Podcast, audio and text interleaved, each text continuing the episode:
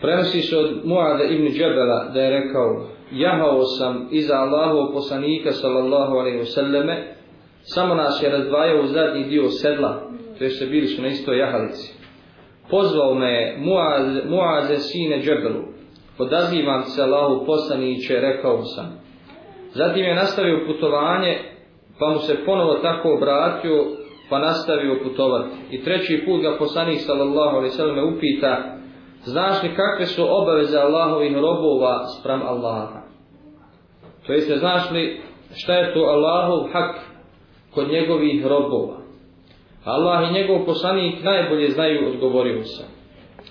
Obaveze robova sprem Allaha su da ga obožavaju i da mu druga ne pripisuju, rekao je poslanik sallallahu alaihi sallam. Zatim je jahao jedno vrijeme, a zatim je ponovo zovnuo Muaze, sine Džebelovu odazivam ti se Allahu poslaniće, rekao sam. A znaš li kakve su obaveze Allaha sprem svojih robova ukoliko oni to učine, upitao je. Allah i njegov poslanik to najbolje znaju, rekao sam. Da ih ne kazni, reče poslanik.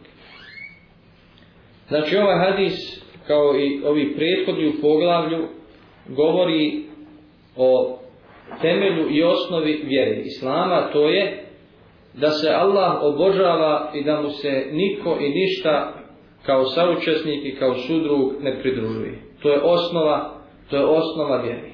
I to je srž, srž poslanstva. To mi su svi poslanici pozivali. I to je naše, naša obaveza, osnovna obaveza prema našem stvoritelju i gospodaru. I to, kažem, je bila srž misije svakog od poslanika od Adema do Muhammeda ali da Allaha obožavaju i da mu nikoga u ibadetu ne pridružuju kao saučesnika i da odnosno da mu širk ne čini. To je znači Allahov hak, što kaže Allahov hak kod nas, kao naš stvoritelj i naš gospodar, onaj kome ćemo se, kome ćemo, kome ćemo se vratiti. A obaveza Allahova, ovo po navodnim znacima obaveza, prema njegovim robovima, ako tako budu postupali, to jest ako ga budu obožavali i ne budu mu činili širk, odnosno ne budu mu pripisivali saučesnika, Allahova obaveza koju je on sam sebi stavio, ne da mu neko drugi stavio, Allahu niko ne može obavezu staviti, Allahova, Allahova je obaveza da ne kazni te robove koji tako budu postupali. Da ih ne kazni, odnosno da ih spasi džehennemske vatre. A samim tim da ih nagradi džennetom.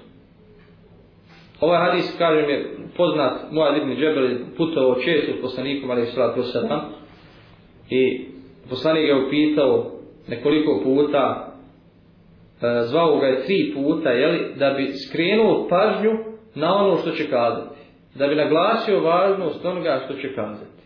A to je hakullahi ala ibad, šta je Allahu haku njegovi robova.